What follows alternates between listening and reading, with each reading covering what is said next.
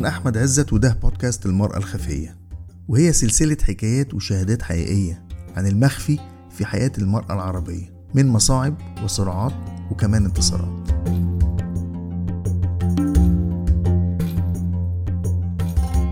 معاكم سناء السعيد عضو مجلس قوم المرأة ورئيس لجنة المشاركة السياسية. آه، يمكن أنا معنية في ال- رقم واحد بالمشاركة السياسية للمرأة وتنمية قدرات وتأهيل. آه، ومساعدتها على إن هي تبقى موجودة وتقول أنا أهو.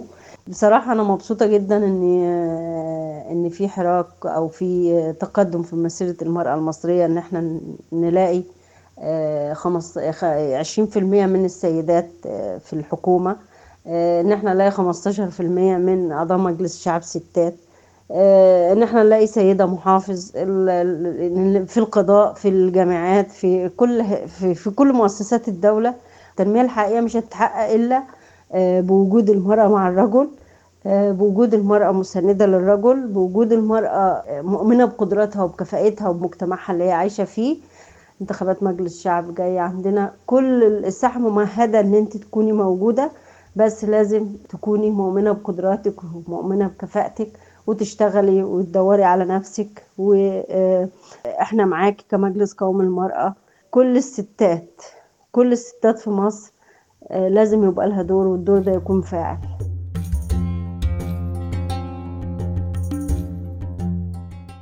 أنا اسمي سمر رشدي باحثة حقوقية حاصلة على ماجستير بالنوع الاجتماعي والتنمية من كلية الاقتصاد والعلوم السياسية بجامعة القاهرة. وده كان بالتعاون مع مركز دراسات التنمية بجامعة ساسكس واشتغلت كمنسق لسياسات الشباب بجامعة الدول العربية وقبلها عملت بالعديد من المنظمات الدولية. المشاركة السياسية هي حق, حق الأفراد في المشاركة في الشأن العام وده من خلال الاشتراك في عمليات صنع واتخاذ القرار وبالأخص المشاركة في السلطة التشريعية والتنفيذية والإدارية للدولة. وده لأنه ليها أثر كبير على دعم الحوكمة وتحقيق سيادة القانون والتنمية الاقتصادية.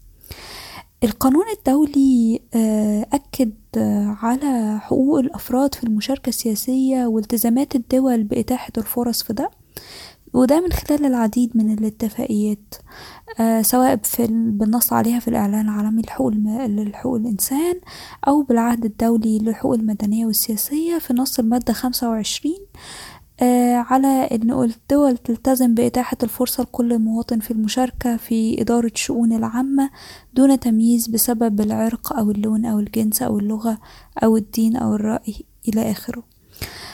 وكان العهد الدولي حط ثلاث أشكال للمشاركة السياسية سواء المشاركة المباشرة أو مشاركة إنه حد ينوب عني المشاركة غير المباشرة أو بتقلد الوظائف العامة. جاء بعديها القانون الدولي حط التزامات جديدة على الدول علشان آه، التمييز الواقع آه، على النساء آه، في من إقصاء في المشاركة في المجال العام. فجاءت اتفاقية السيداو اتفاقية القضاء على جميع الأشكال العنف ضد النساء. في المادة سبعة وثمانية بتقول على أنه تتخذ الدول جميع التدابير المناسبة للقضاء على التمييز ضد المرأة في الحياة السياسية والعامة.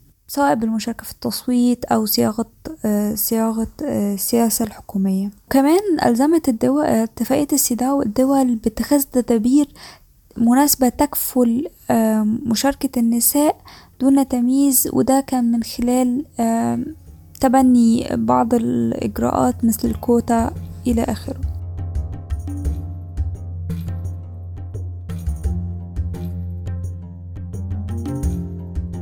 رغم أن الدول العربية صدقت على اتفاقيات السيداو و- ومذكرة عمل بكين مما بيضع عليهم التزامات باتخاذ تدابير لدعم مشاركة النساء مثل تبني كوتا إلى أن مؤشرات تشير إلى ضعف نسب مشاركة النساء في السلطة التشريعية والمراكز القيادية بالسلطة التنفيذية آه، ولو بصينا على الدول العربية هنلاقي إنه الجزائر هي الأولى عربية في مشاركة النساء في المجالس النيابية بنسبة واحد وتلاتين وستة من عشرة.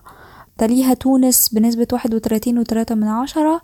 أما مصر فنسبة المشاركة في المجالس النياب... مشاركة النساء في المجالس النيابية وصلت لأربعتاشر وتسعة من عشرة في المية. آه لو بصينا على الإطار القانوني لمصر فالمادة 11 من الدستور المصري لعام 2014 نصت على التزام الدولة باتخاذ التدابير اللازمة لضمان التمثيل المناسب للنساء في المجالس النيابية أو الوظائف العامة أو الهيئات القضائية. ورغم إن في تحسن نسبي في كل من السلطة التشريعية والتنفيذية إلا أنه مازال الكثير لتحقيق المساواة. يعني لسه النسب طفيفة أبعد من إنها تكون مساواة. أما بقى بالتطرق للسلطة القضائية فما زالت النساء تستبعد على بناء على الجنس من المشاركة في السلطة القضائية. للأسف بيلعب التمييز المبني على النوع الاجتماعي دور كبير في إقصاء النساء من المشاركة السياسية وده نتيجة لتدخل العديد من الأسباب منها الموروثات الثقافية وتنميط دور النساء وبعض الأفكار الدينية المغلوطة وحصر دور النساء في العمل المنزلي وتربية الأطفال. ده بالإضافة إلى العنف الذي يقع على النساء في حين الخروج للمجال العام والأعباء المنزلية وضعف الخدمات الاجتماعية.